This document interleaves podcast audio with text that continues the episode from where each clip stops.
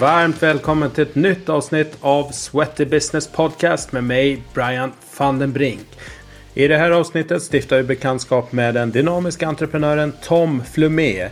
Tom har startat Moss och Nor som är ett hudvårdsmärke för den som tränar regelbundet. Och i våras så vann Tom tv-programmet The Apprentice som man kan säga är en tävling i entreprenörskap i tv-format där Tom vann i skarp konkurrens och vann slutligen en investering på en och en halv miljon kronor från superentreprenören Gunilla von Platen. Om Toms personliga bakgrund som entreprenör, hans resa med Moss och Nor, upplevelsen i The Apprentice och entreprenörskap och innovation i allmänhet pratar vi bland annat om i det här avsnittet. Häng med!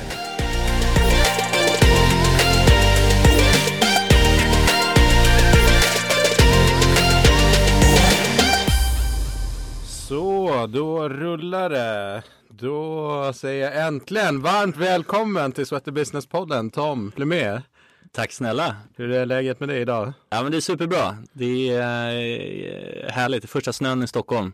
Ja. vi spelar in idag. Så att från 15 grader till snö på några dagar. Eller en- hur? eh, Men det är skönt. Julstämningen börjar smyga sig på. Det gör den verkligen. Tiden eh, snurrar på. Min dotters fotbollslag som jag tränar för körde match i söndags i shorts.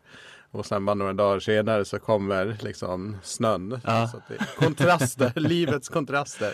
Verkligen. Du, ehm, jag har ju bjudit in dig här för att, ja men dels för att du driver Mossen Nor eh, som är ett jättespännande varumärke och som du har gjort en, en grymt intressant resa med som vi kommer in på. Och har på så sätt också en, en tydlig koppling till träningsbranschen. Eh, men sen tänker jag också, det är många som hör av sig i podden kring eh, entreprenörskap, ofta då kopplat till att driva gym.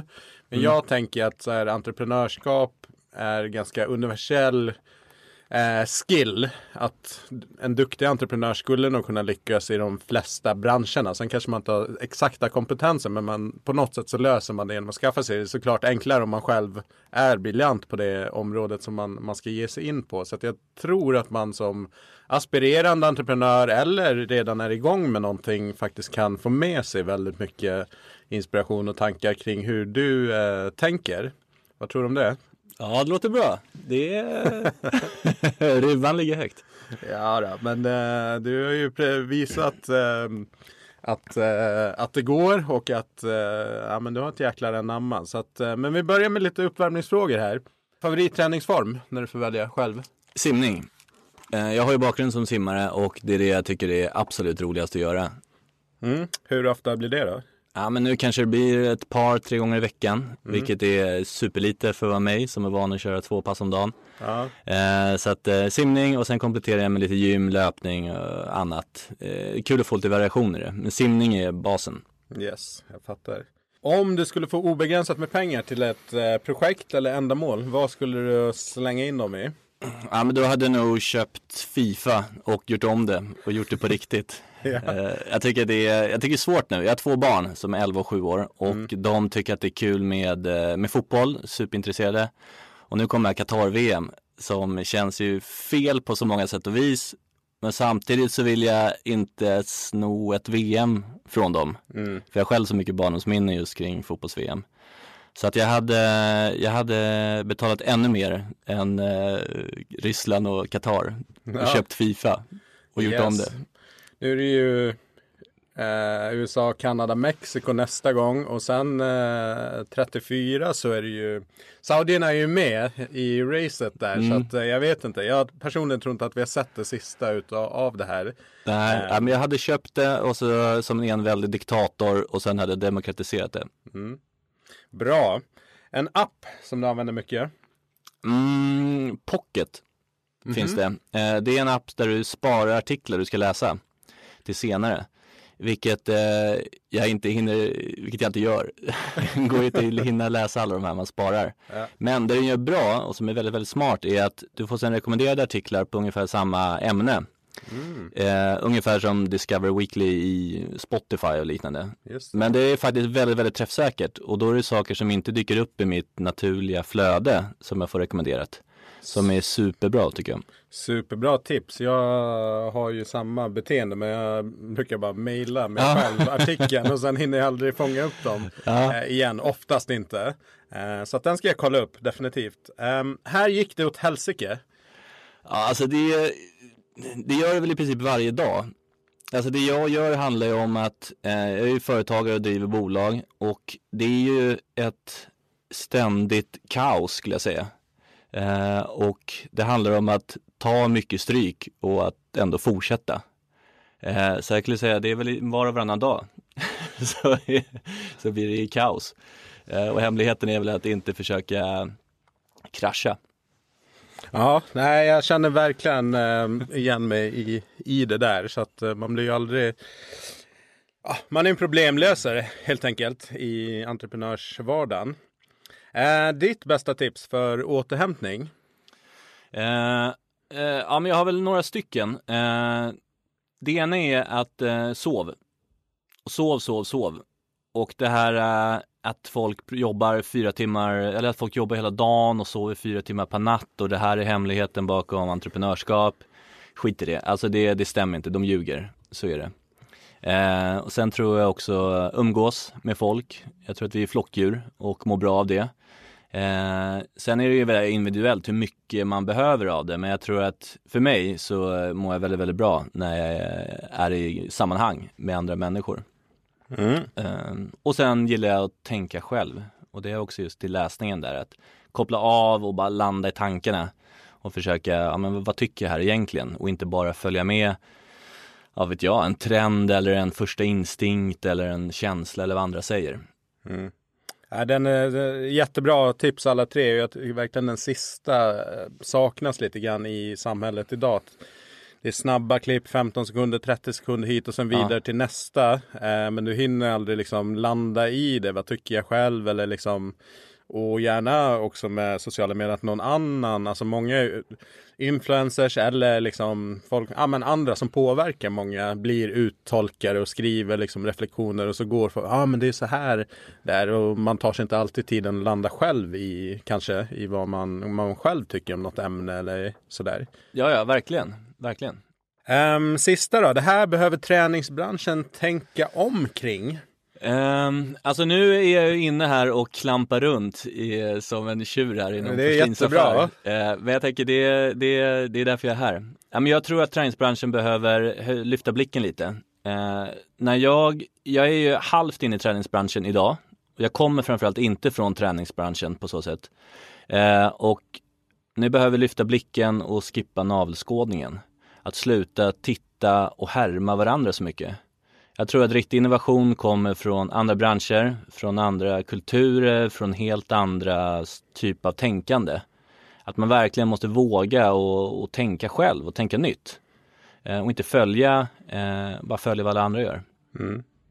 Ja, superbra. Vi kommer nog vidare in på det här när vi pratar om din resa. Mm. Men eh, för den som inte har koll, jag hade ju en kort intro här i början. Mm. Men liksom vem, eh, vem är Tom och vad, du liksom, vad är din resa fram till där du är nu?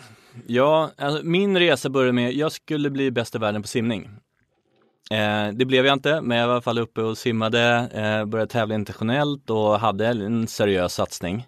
Eh, det, jag gick inte hela vägen så att, och skolan var inte riktigt prioriterad där så att sen började jag jobba i restaurangbranschen och, och jobbade ja, därigenom upp mig så att säga. Det jag förstod mer från simningen är att jag är van att jobba ganska hårt och träna och gillar den här gritten. Det funkade superbra i restaurang eh, där man fick tidigt ansvar och fick liksom, eh, större ansvar hela tiden. Men det där kom, jag slog i taket kände jag ganska fort och tyckte att det var lite väl råddigt och stökigt. Eh, sen har jag pluggat ekonom, eh, master i marknadsföring och jobbat sen med marknadsföring och försäljning. Mm. Och där har jag hjälpt många stora bolag, eh, framförallt Coca-Cola, eh, L'Oreal, Carlsberg, Ikea, Ica. Hjälpa deras med digitala försäljning och marknadsföring. Spännande. Eh, ja. Och sen har jag gått vidare med det och, och började då som juniortjänst, som projektledare, hjälpte bolagen att eh, ta fram, vad var det då? Det var hemsidor, det var olika digitala kampanjer, det var lite kul spel i mobilen om det kom någon ny ja, smak på Coca-Cola eller någon ny dricka och sådär. Early days. The early days, ja. Eh, och sen blev det ju att man, eh, eh, när iPhone kom så skulle alla ha en app. Eh, som du kanske minns. Mm, det, absolut. det bubblade upp väldigt många just, träning var också ganska snabba på pucken där Mm. och det kom ju mycket olika appidéer. Eh, och då eh, hade jag en, eh, var delägare i en byrå som gjorde mycket appar åt, eh, ja framförallt stora bolag. Men så var det folk som hörde av sig just med olika appidéer.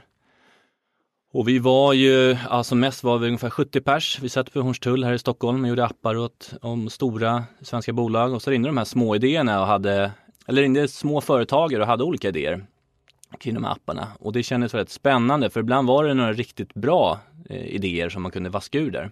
Men det var så många. Så per år, vi fick ungefär 200 förfrågningar per år. Wow. Eh, Och då var jag då den yttersta skalet på löken som, som tog det här och screenade ut och försökte hitta de här guldkornen. Och ibland hittade vi några som verkligen var bra. Och då var det oftast ja, men, s- entreprenörer som hade en idé, en väldigt, väldigt bra idé som vi trodde kunde flyga. De hade inga pengar.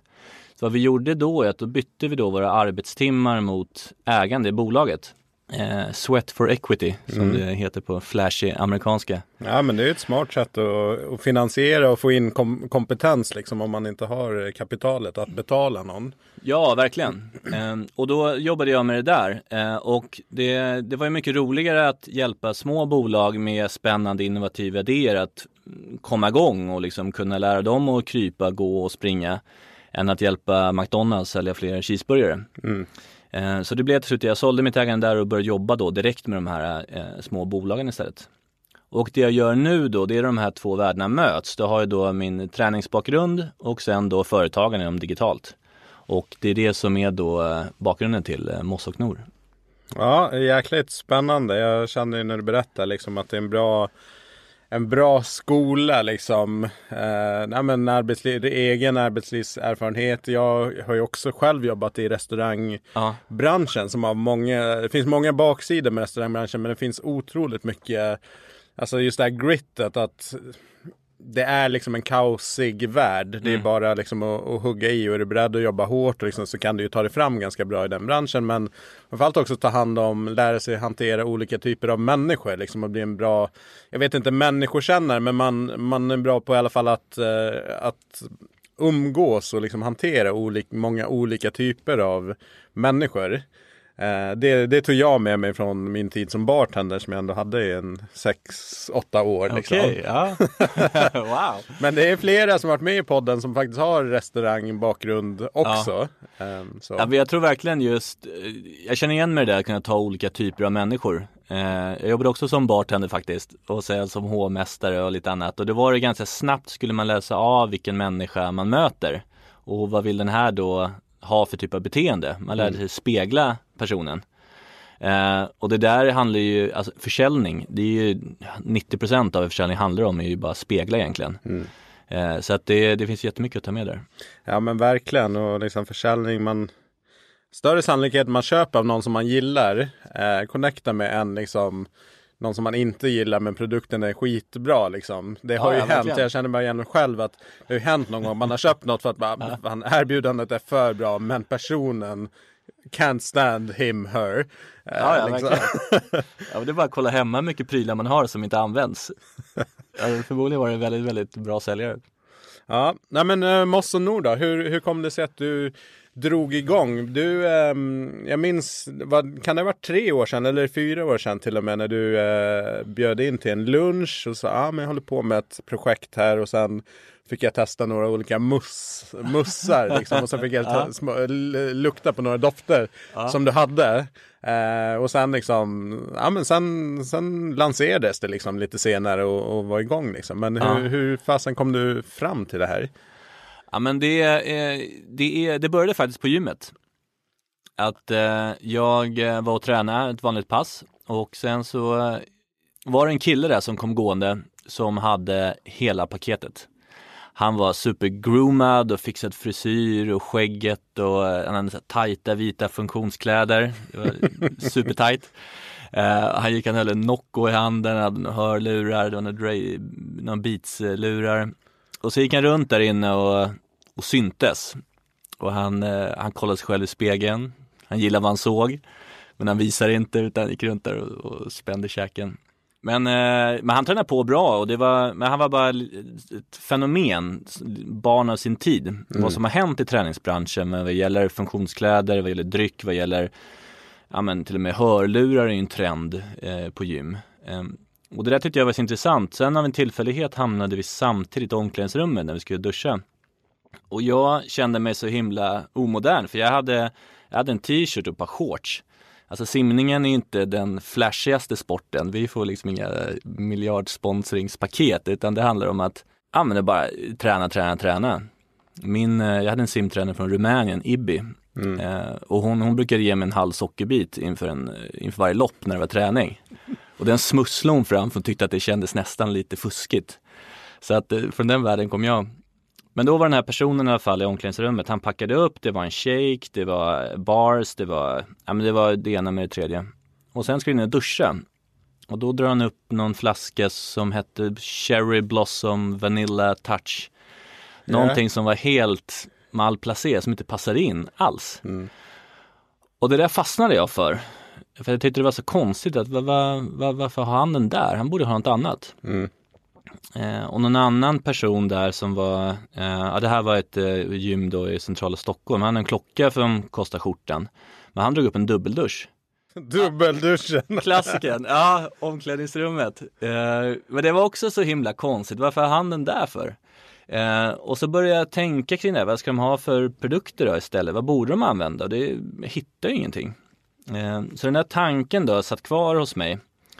Eh, och det var en av då grundfröet då som såddes.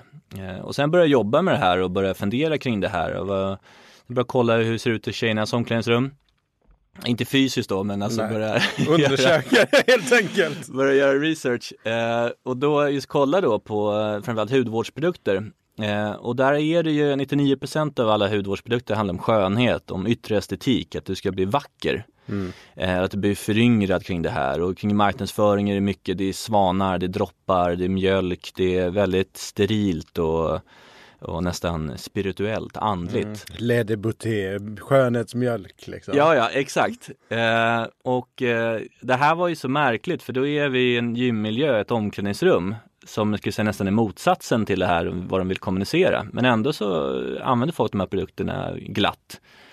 Eh, så där kände jag att här finns det ett utrymme, här är någonting som skaver, här borde det finnas ett annat, eh, en annat, eh, andra produkter, ett annat varumärke. Och det är grunden då till, till eh, Mosse Mm. Ja, superspännande och din, din problemformulering är ju helt rätt och intressant också att man hittar ett problem som kanske inte målgruppen är medveten om för att man, man använder de schamporna och de eh, produkterna som, som finns liksom och tänker väl inte mer på det och väl dubbeldusch, vi skrattar ju åt dem men de har mm. väl från början marknadsfört sig som någon slags sportbrand liksom. Ja, ja, på oklara grunder men, ja. men i alla fall. Eh, men liksom, vad har ni för produkter liksom, och vad, vad gör produkterna? Varför är det relevant i det här sammanhanget? Ja, Mosonor är ett Nike inom hudvård. Så alla våra produkter löser problem kopplat till träning. Så om du eftersvettas eller får blosshy efter träning så har vi en eh, tvål du kan använda för det. Om du får förhårningar i händerna eller valkar, om du lyfter, klättrar eller liknande så har vi en handkräm för det. Om du då får svett i hår eller eh, hårbotten efter träningspass så har vi torrschampos utvecklat just för det. Så att alla produkter då, förutom att de är ja, att du blir ren och luktar gott, så är det också att de löser ett specifikt problem kopplat till träning. Mm. Att de då har funktion i sig. Och det här har ju gjorts många gånger i träningsbranschen fast i närliggande produkter, produktområden. Man kan se ja, med hela trenden inom functional foods. Mm. Vad som har hänt med alla drycker, med alla bars, med det finns ju till och med proteinglass, det finns ju bearnaisesås med pr protein i. Det är helt galet egentligen. Ja. Eh, kolla resor, alla träningsresor och annat som kommer nu och bokar du ett hotell så har du inte ett gym så kanske du väljer att inte boka det. Kläder är väl det extremaste exemplet vad som har hänt där. Verkligen. Eh, kolla sneakers som var ju, ja som idag är ett vardagsplagg. Det finns ju liksom börs som går runt med, med sneakers utan att det är konstigt. Och mm. det började som en, ja, som en sportsko. Ja. Eh, så att, men det här har skett då i konsumentkategorier efter varandra. Men det har inte gjorts i eh, hudvård och hygienprodukter som är världens sjätte största kategori då inom konsumenter. Eh, så att det är det vi ska göra då, bygga ett Nike inom hudvård. när man ska skapa en ny kategori egentligen. Hur, ja. hur har den resan varit? Liksom, har folk fattat grejen eller liksom, hur, hur har du upplevt det? Ja men det här har ju varit utmanande och det här har blivit en, en inlärning för, eh, Eh, för mig då och, och hela företaget att eh, hur mycket ska man förklara produkten eh, och när tar man det för långt? Det vi vill göra är att skapa produkter som du använder i vardagen som det är enkelt att bara kunna ta med dig och den här har träningsväskan. Den, den passar där och den, den bor där och den gör sitt syfte. Eh, men samtidigt så ska det inte bara kännas som en, ja, som en DAV eller Nivea. Så du, har, du måste visa på vad det är för extra värde produkten har, mm. den här funktionen. Eh, men där tror jag att vi överskattade genialiteten i vår, i vår idé. Ja. Som är ju, alltså den är helt okej, okay. den kanske är tre av fem. Mm. Det är liksom ingen snillig blixt men den är good enough för att flyga. Och i början var vi så himla måna om att berätta om varför det här var smart och varför inte. Och det, det kanske var smart utifrån ett ja, teoretiskt marknadsekonomiskt perspektiv. Men för konsument så är det så här, jaha, men det, det funkar bra med det jag har idag, varför ska jag mm. byta till någonting? Just så det. där fanns det mycket, det är väl mer en kommunikationsfråga att verkligen få in då varför ska du byta? Det var där vi ja, drog lärdomar sen när vi började sälja produkterna. Hur vi, ska, hur vi ska kommunicera, vad vi ska säga och framförallt vad vi inte ska säga. Mm.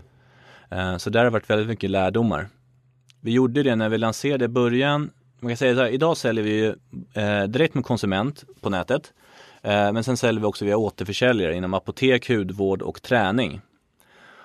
Och Stadium bland annat. Eh, Stadium, Gymgrossisten, Svensk Kosttillskott, Proteinbolaget. Mm. Eh, det är i princip hos alla. Och hudvård finns också hos Lyko, Kicks, Åhléns. Eh, Sveriges alla apotek finns vi på. Mm, ja, men ni hade ju en nyhet här om att ni var första brandet som gått från online till fysisk butik. Kan du berätta lite kring det på Apotek, eh, Apotek Hjärtat? Hjärtat? Ja exakt. Ja, men vi, vi startar de här produkterna för att det ska vara Alltså vi jobbar online first. Alltså många produkter är utvecklade för att de ska se snygga ut på en hylla. Och det kan du se om du går i en butik att de är ganska, produkterna är oftast ganska breda, de är ganska platta, loggan står alltid högt upp. Det här är då för att på en butikshylla så ska de synas, ta mycket plats och det ska vara enkelt för dig att se vad du köper.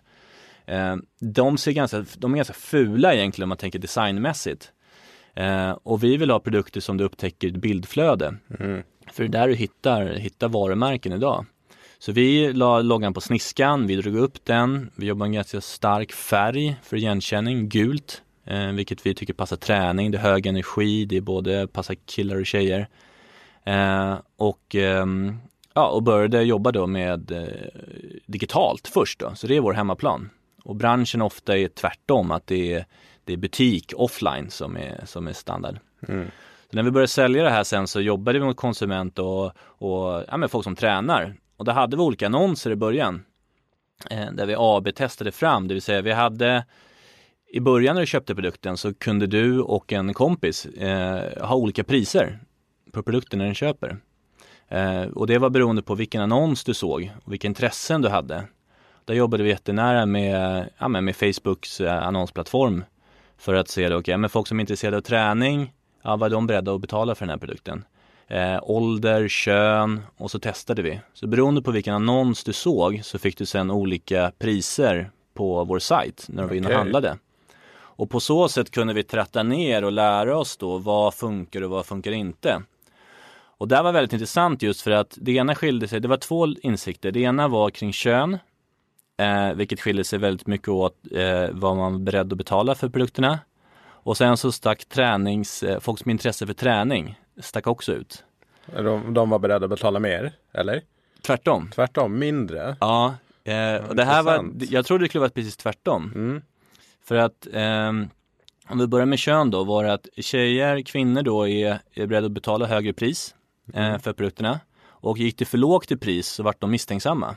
Just det. Och då det är en bra produkt. Ja, den lovar det här och den säger att den kan det här och det här. Men kan det verkligen stämma? För att jag är van att betala det här priset. Mm.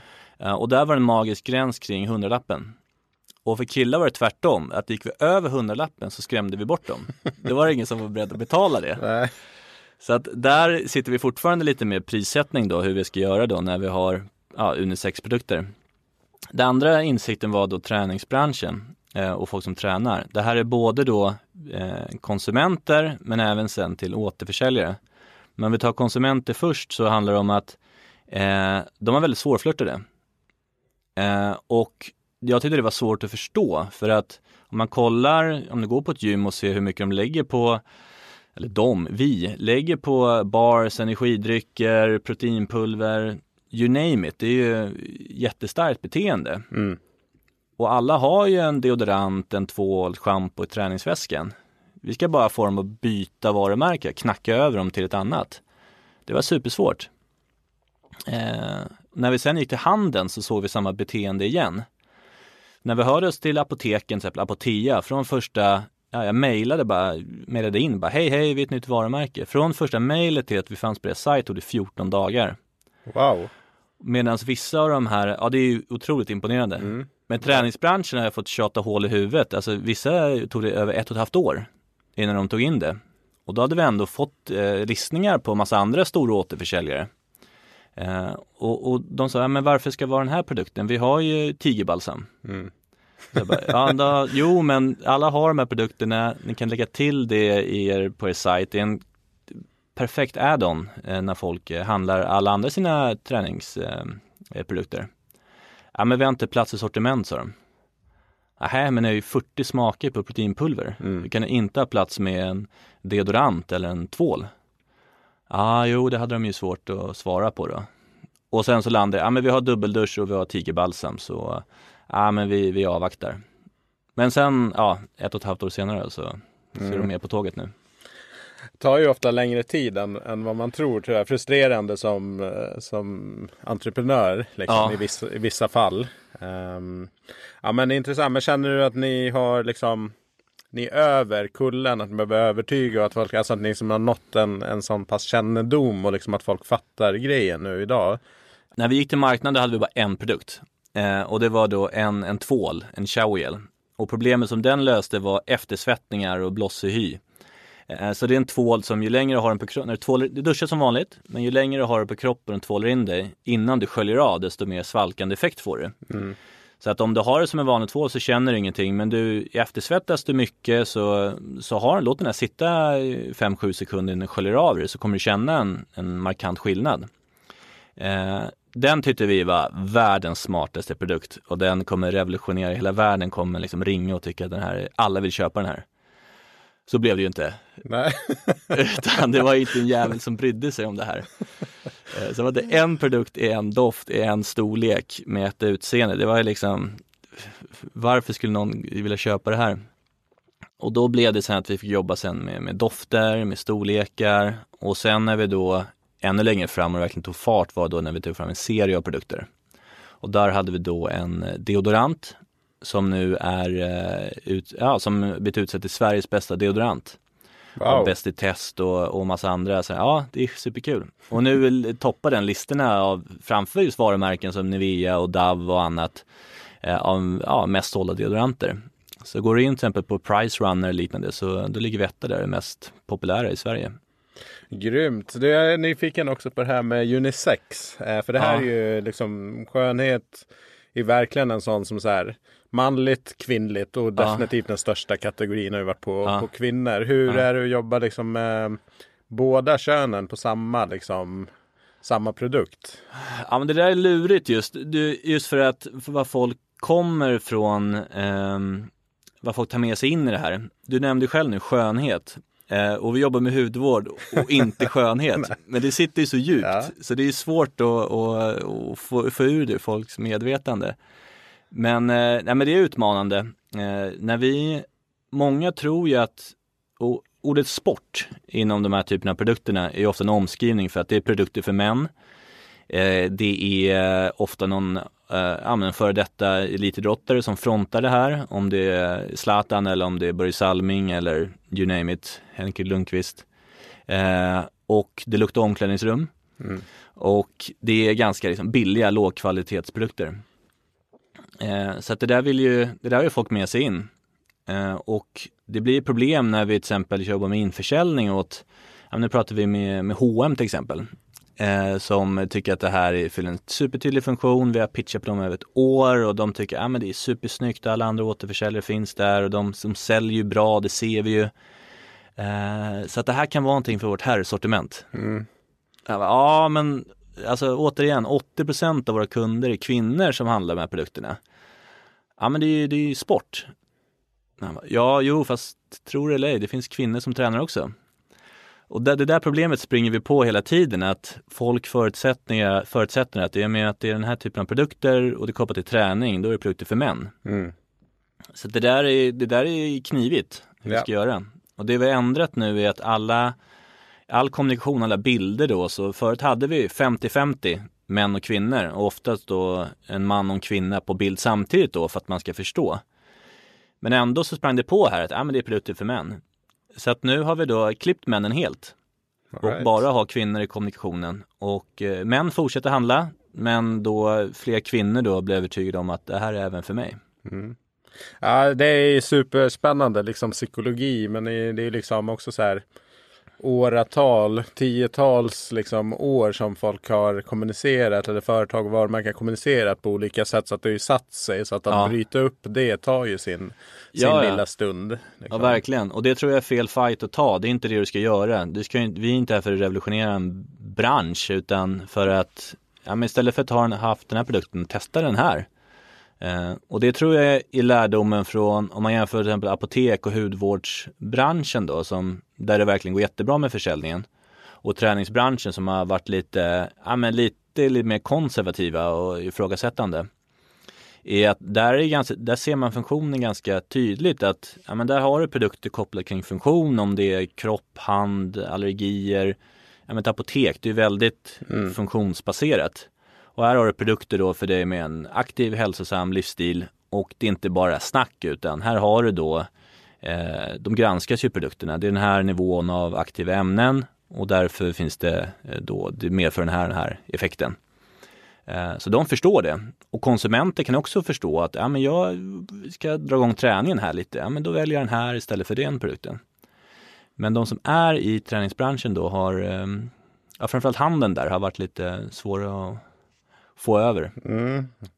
Jag fattar. Du, under den här resan med Mossa Nor, är det någonting som du har gjort som du nu i efterhand bara, hade du fått erase det, så undvika det misstaget, vad, vad, skulle det vara i så fall? Ja, alltså hur lång tid har du? det är, alltså det är varje dag. Eh, det finns det ju, det finns ju mycket som helst, det är svårt att komma på en sak. Eh, men någonting som jag tror att vi gjorde i början, jag tror, jag tror två saker. Ett är att vi blev kära i idén, eller jag blev kär i idén för mycket. Eh, jag var helt övertygad om att det här var ett genidrag. Det här var revolutionerande produkt som skulle eh, ta över hela eh, världen från dag ett. Och det det är det inte. Och även om det skulle vara det så, så, så, skulle det ändå inte ske så utan folk måste upptäcka branschen. Det krävs då det här, återigen till simningen, det här grittet, att du måste då jobba med försäljning, måste jobba med marknadsföring, du måste liksom bygga upp det här tegelsten för tegelsten. Eh, så att det, det är en klassiker. Mm. Det andra tror jag att, att ha mindsetet av att du kommer få en jäkla massa stryk hela tiden och vara inställd på det eh, och gilla det lite grann. Eh, att du springer på misstag hela tiden. Och där tror jag att inställningen, det som är avgörande där är att du inte Alltså du kan nästan gilla det.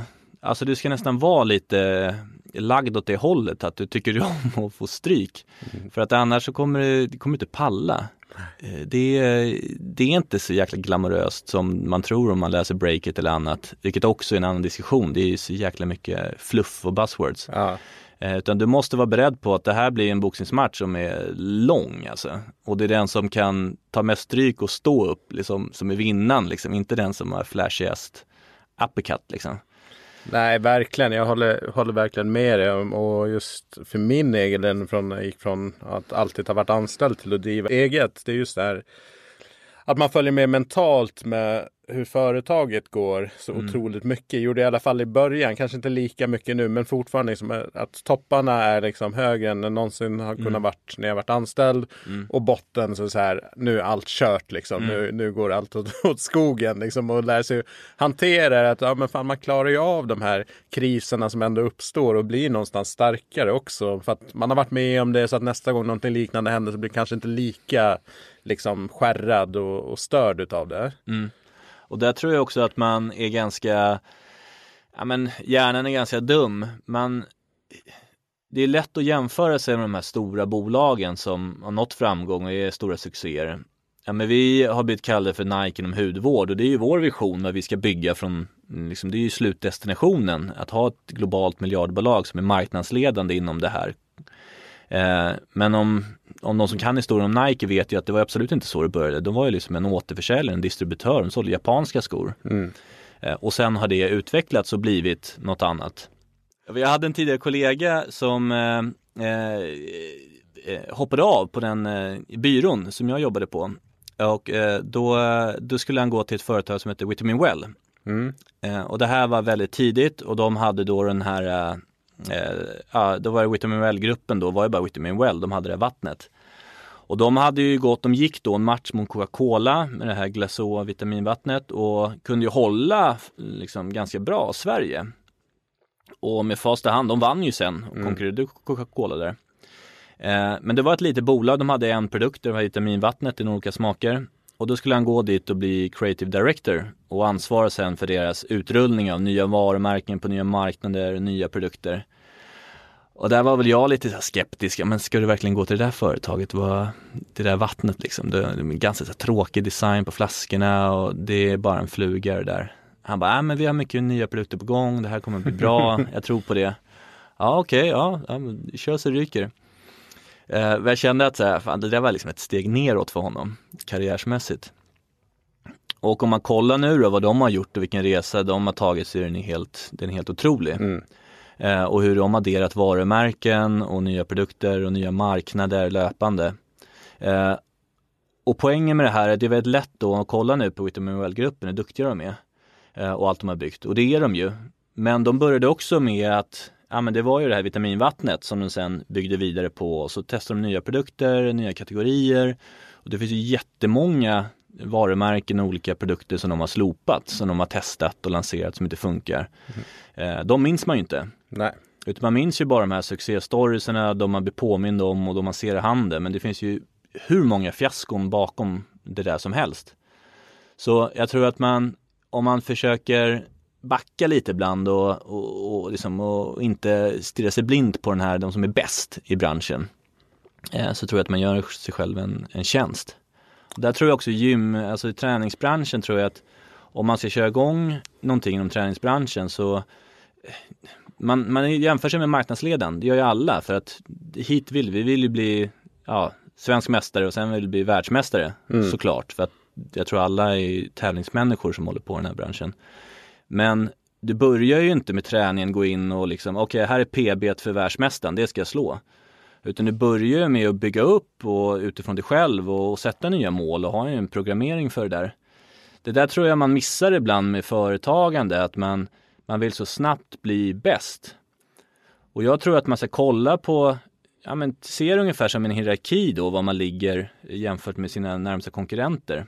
Och du behöver ju bara vara bättre än din närmsta konkurrent.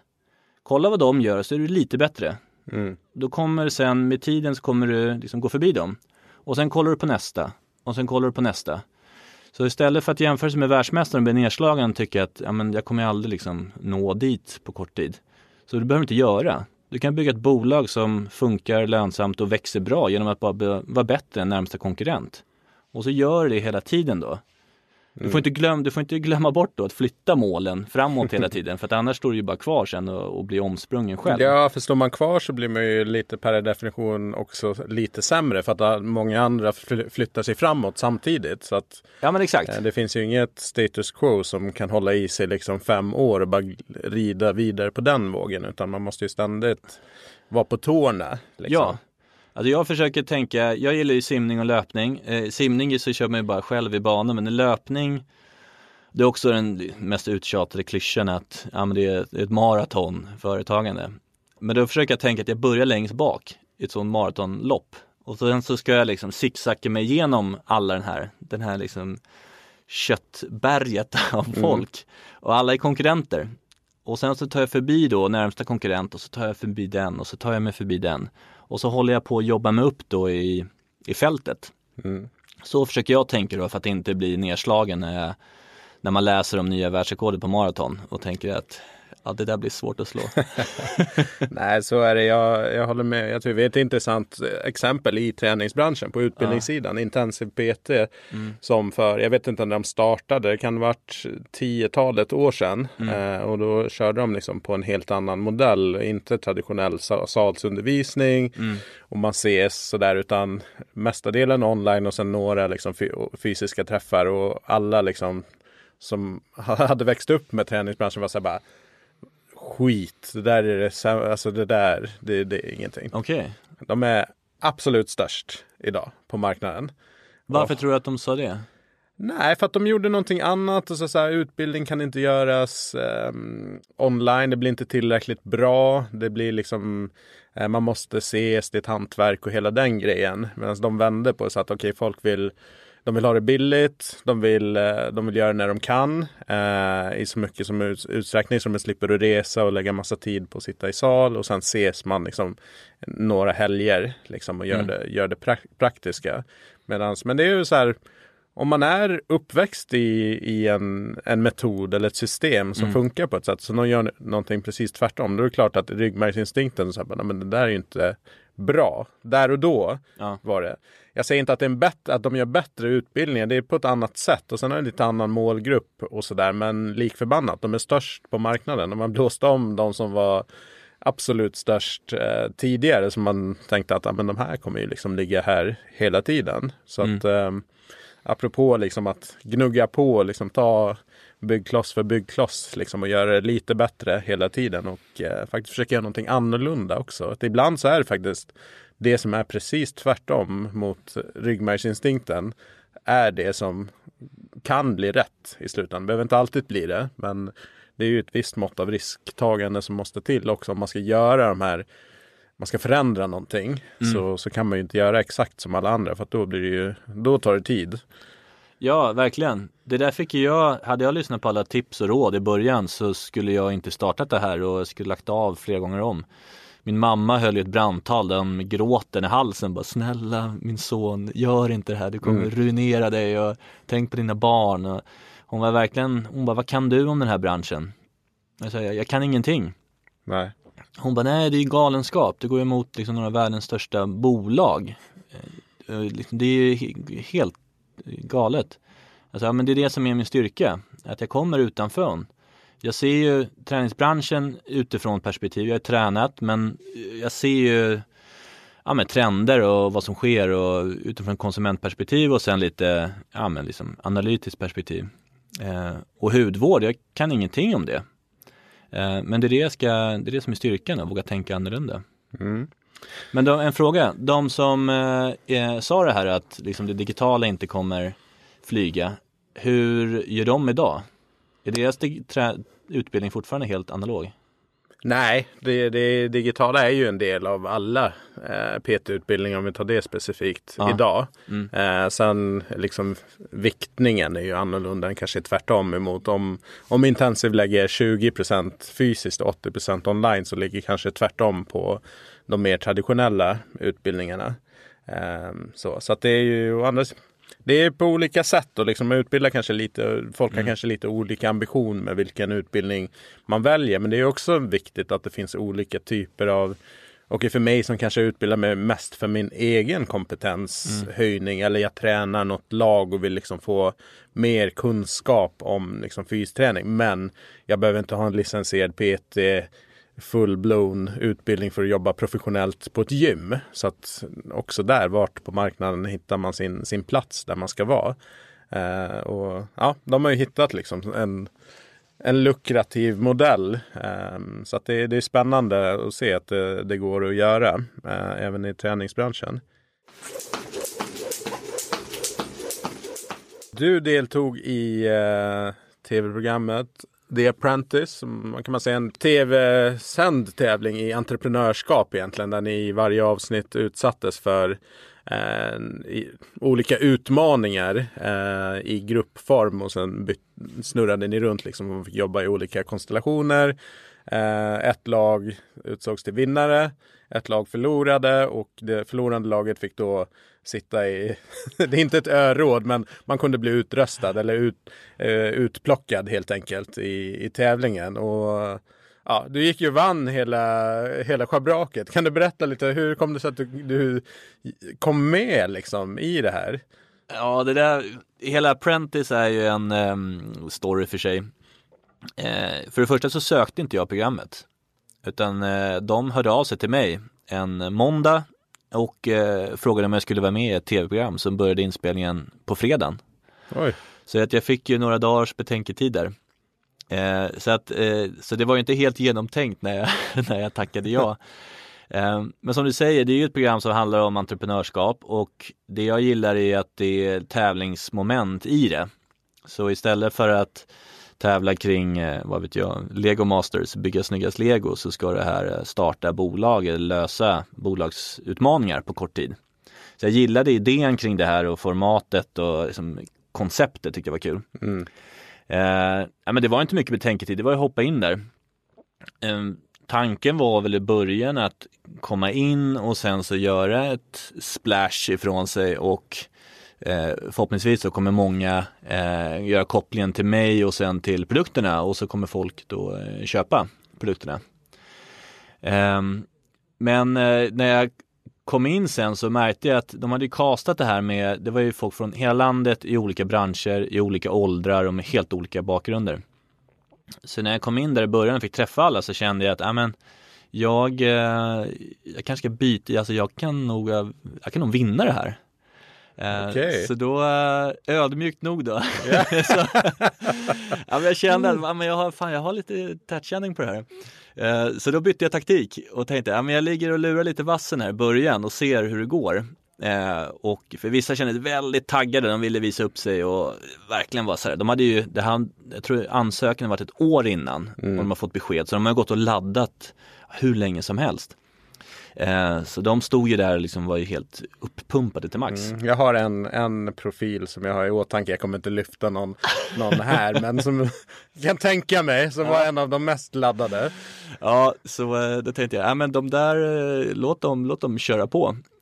och det, det funkar ju att så många av de där ja, det, jag höll mig kvar mm. länge. Men det, är inget, det funkar ju inte så hela vägen ut. Så ungefär, hälf, halv, ungefär hälften av programmet då så, så var det dags att lite mer då steppa in i handlingen och visa framfötterna och inte bara undvika misstagen. Mm.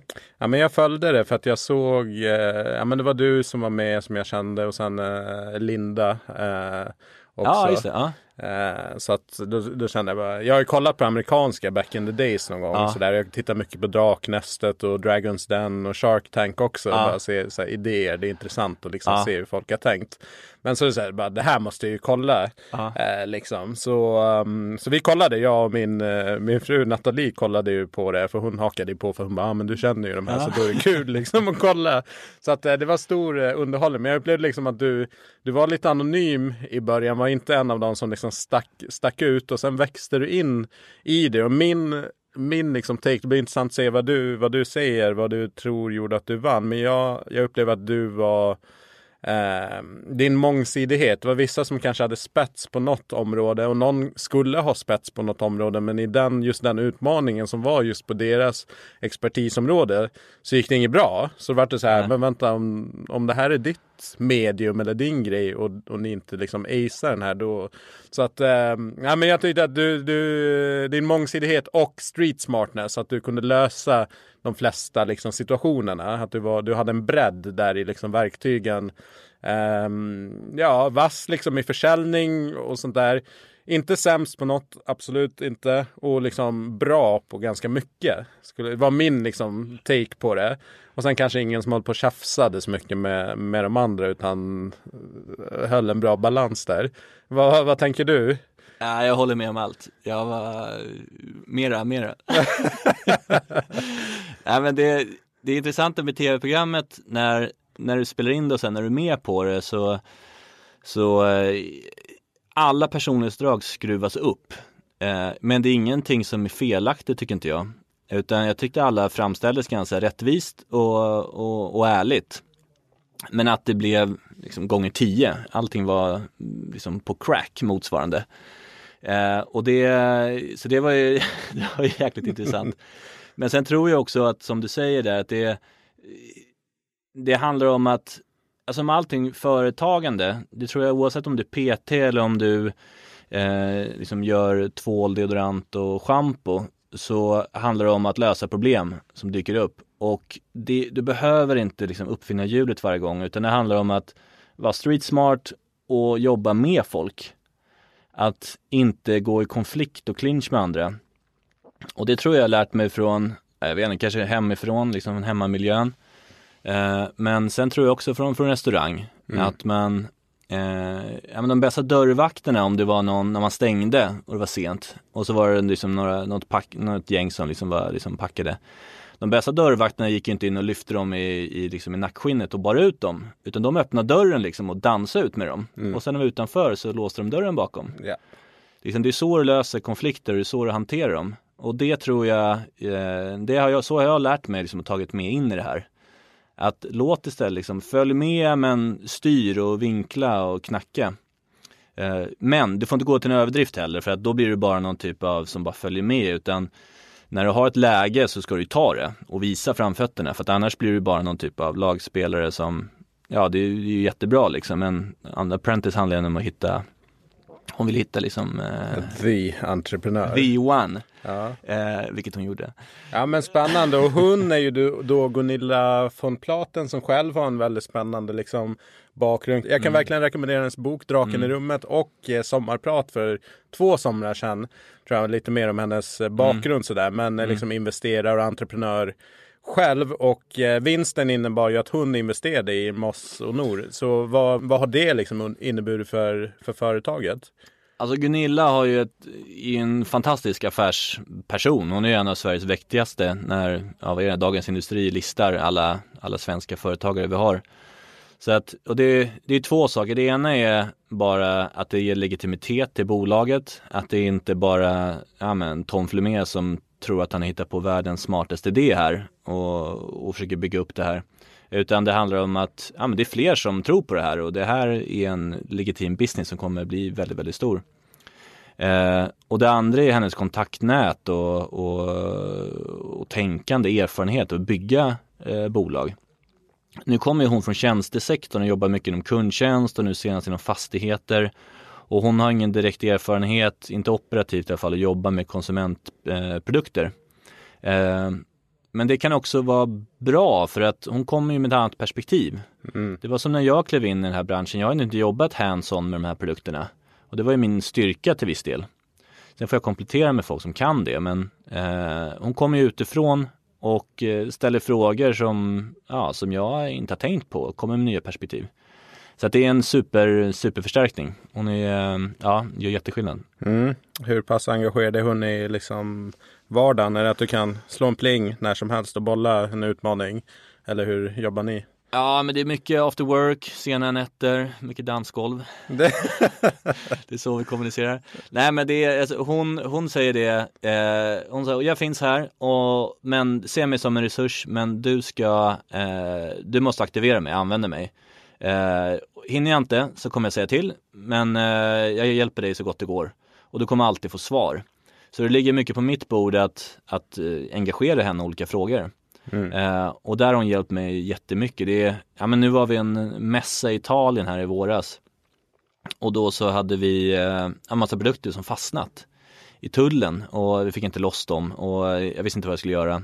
Eh, så vi stod då första dagen på mässan och hade då Ja, det var helt, vi var gult, det var gult bås och så hade vi några produkter som jag hade haft i min väska när jag åkte ner.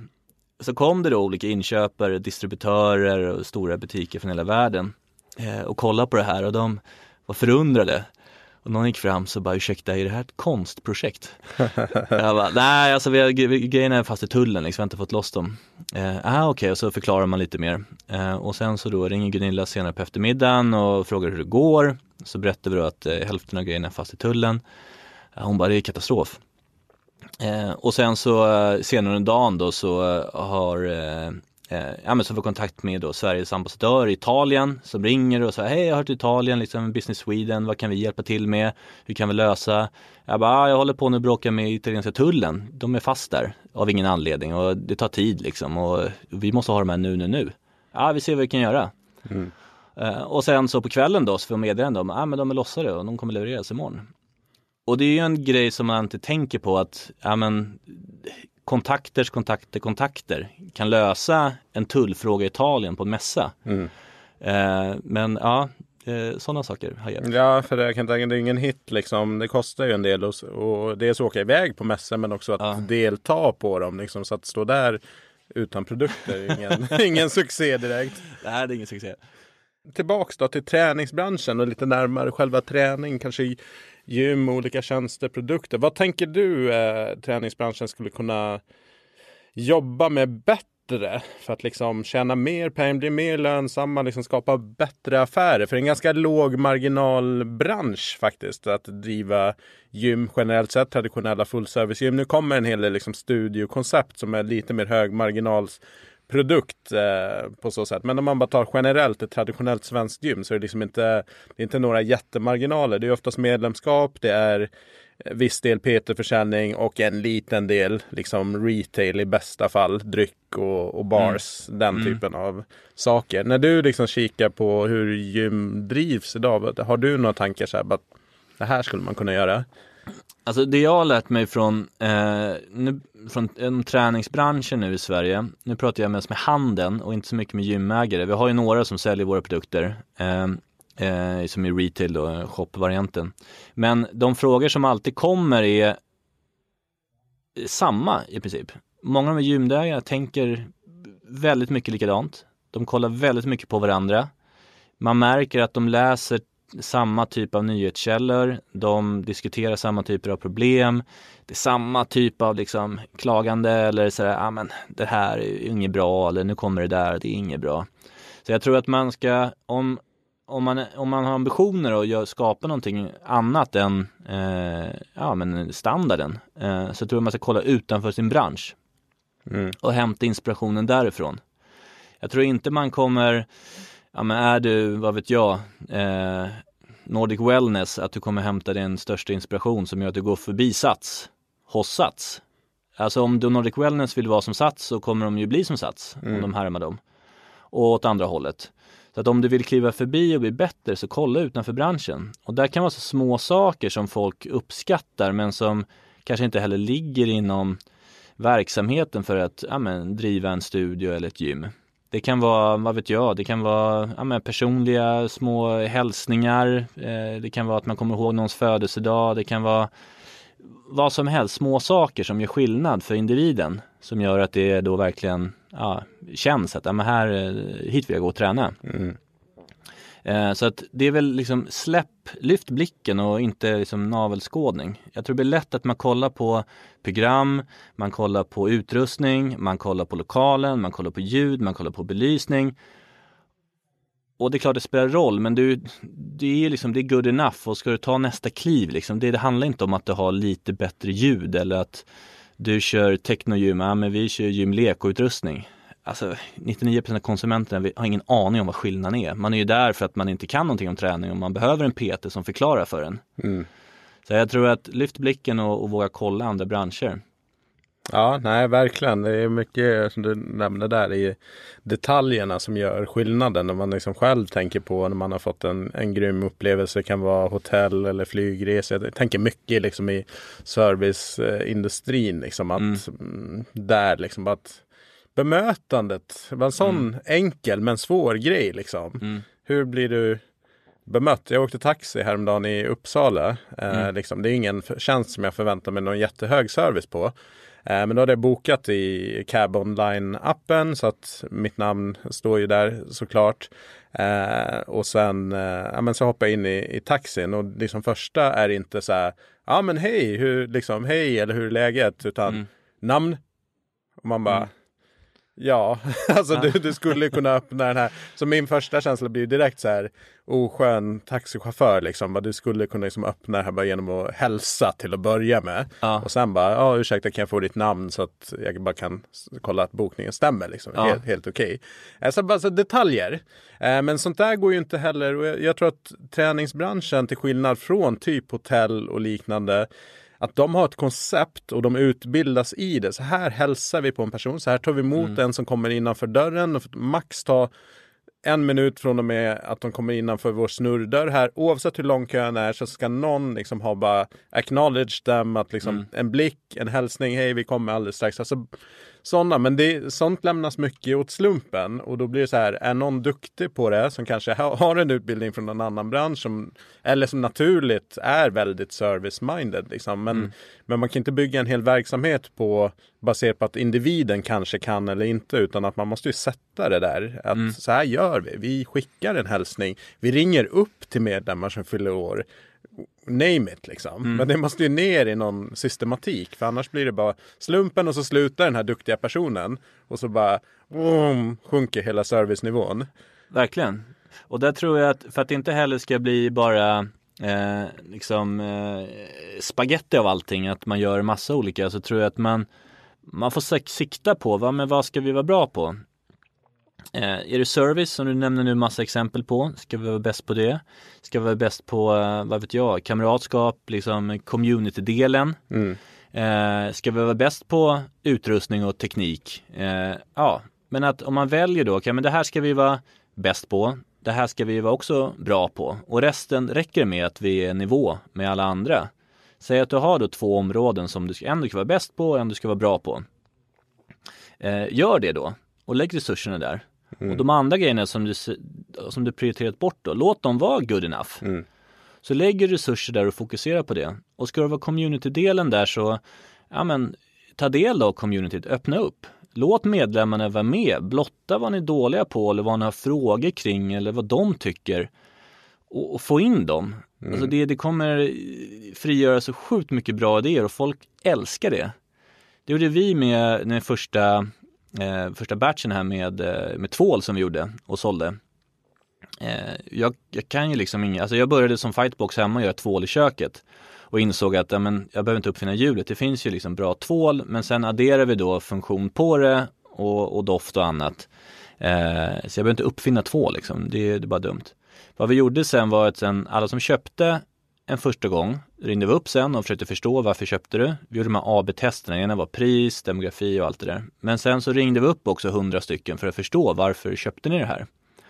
Och sen när de har köpt en annan gång, en andra gång, deras andra köp, alltså deras återköp. Då la vi in det i mejlet bara att, ja men eh, tack för att du, för att du köpte igen. Eh, jag blir superglad, kul att du är nöjd med produkterna. Och så var det ingenting mer. Det var inte så här, vill du vara med på det här eller du får det här, utan det var bara att visa en vänlig gest. Att, ja, men, tack.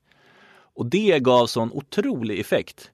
Folk bara uppmärksammade det här och det, de, de var jätteglada och folk ringde upp och bara gud vad vänligt, vad snällt. Mm. Jag bara, ja det var, det var inte, alltså vadå, det är inte värsta grejen, du får ett mail liksom. Nej men det tyckte folk var jättekul. Ja, men jag tycker det i det här digitala samhället man kan göra allting som stor skala. Eh, att det mänskliga, folk, det, det blir så tydligt när en människa som har lagt en touch på det. Jag handlar, eh, handlar te på en, de är nog en fysisk butik i Göteborg men har en, on, en e-handel som inte är bra för deras utcheckning är liksom skitdålig. betalningsallt. Men när man beställer där och det är ett speciellt te som, som inte finns liksom överallt. Eh, så, men när man beställer där så är det frun i så är det familjeföretag. Hon skickar ett mail med bekräftelsen och liksom ja, men, och så tack Eva liksom. Och sen Ja. i eh, paketet som man får sen så är den handskriven tack eh, tack note och liksom det blir så här i det här digitala att jag, jag tänker så här jag borde höra av mig till dem att de borde fixa en bättre utcheckning. Men, eh, men det uppvägs också av att jag bara, fan, de är, jag vill stötta de här som, är liksom, som lägger ändå det här. De lägger ett personligt mail och de skriver en, en lapp liksom. Eh, att det, det blir värt det ändå. Ja, verkligen. Och jag tror att engagerar du medlemmarna på, på ditt gym eller studio så kan du få superengagemang. Och det kan du ta in då i teknikgrejen eller om, säg att det ska vara, ja men, vad vet jag, musik ja men låt medlemmarna, eller medlemmarna kurera spellistor. Gör det som en tävling, att säga, ja men nu är det här medlem Brian som kör den här träningslistan. Mm. Eh, hör av dig för fan det här var inte så bra, eller hur? Eh, kan du göra bättre? ja. Man får in lite sånt där lekfullt så tror jag att det är och engagera folk. Då kommer medlemmarna tycka det är kul. Man kanske sen ska ha, vad vet jag, avsluta med DJ battle mm. för medlemmarna i lokalen. Ja men spring vidare, det behöver inte vara så mycket just kring liksom, ja men den här musiken, det här ljuset, den här tekniken, de här maskinerna. Mm.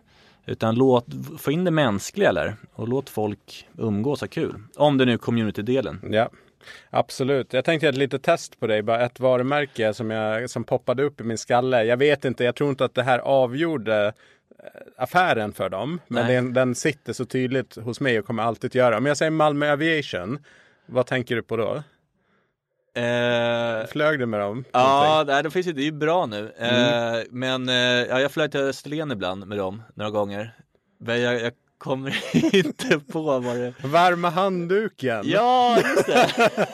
man fick ju alltid en varm servett i slutet på, ja. på flighten efter att man hade snacksat.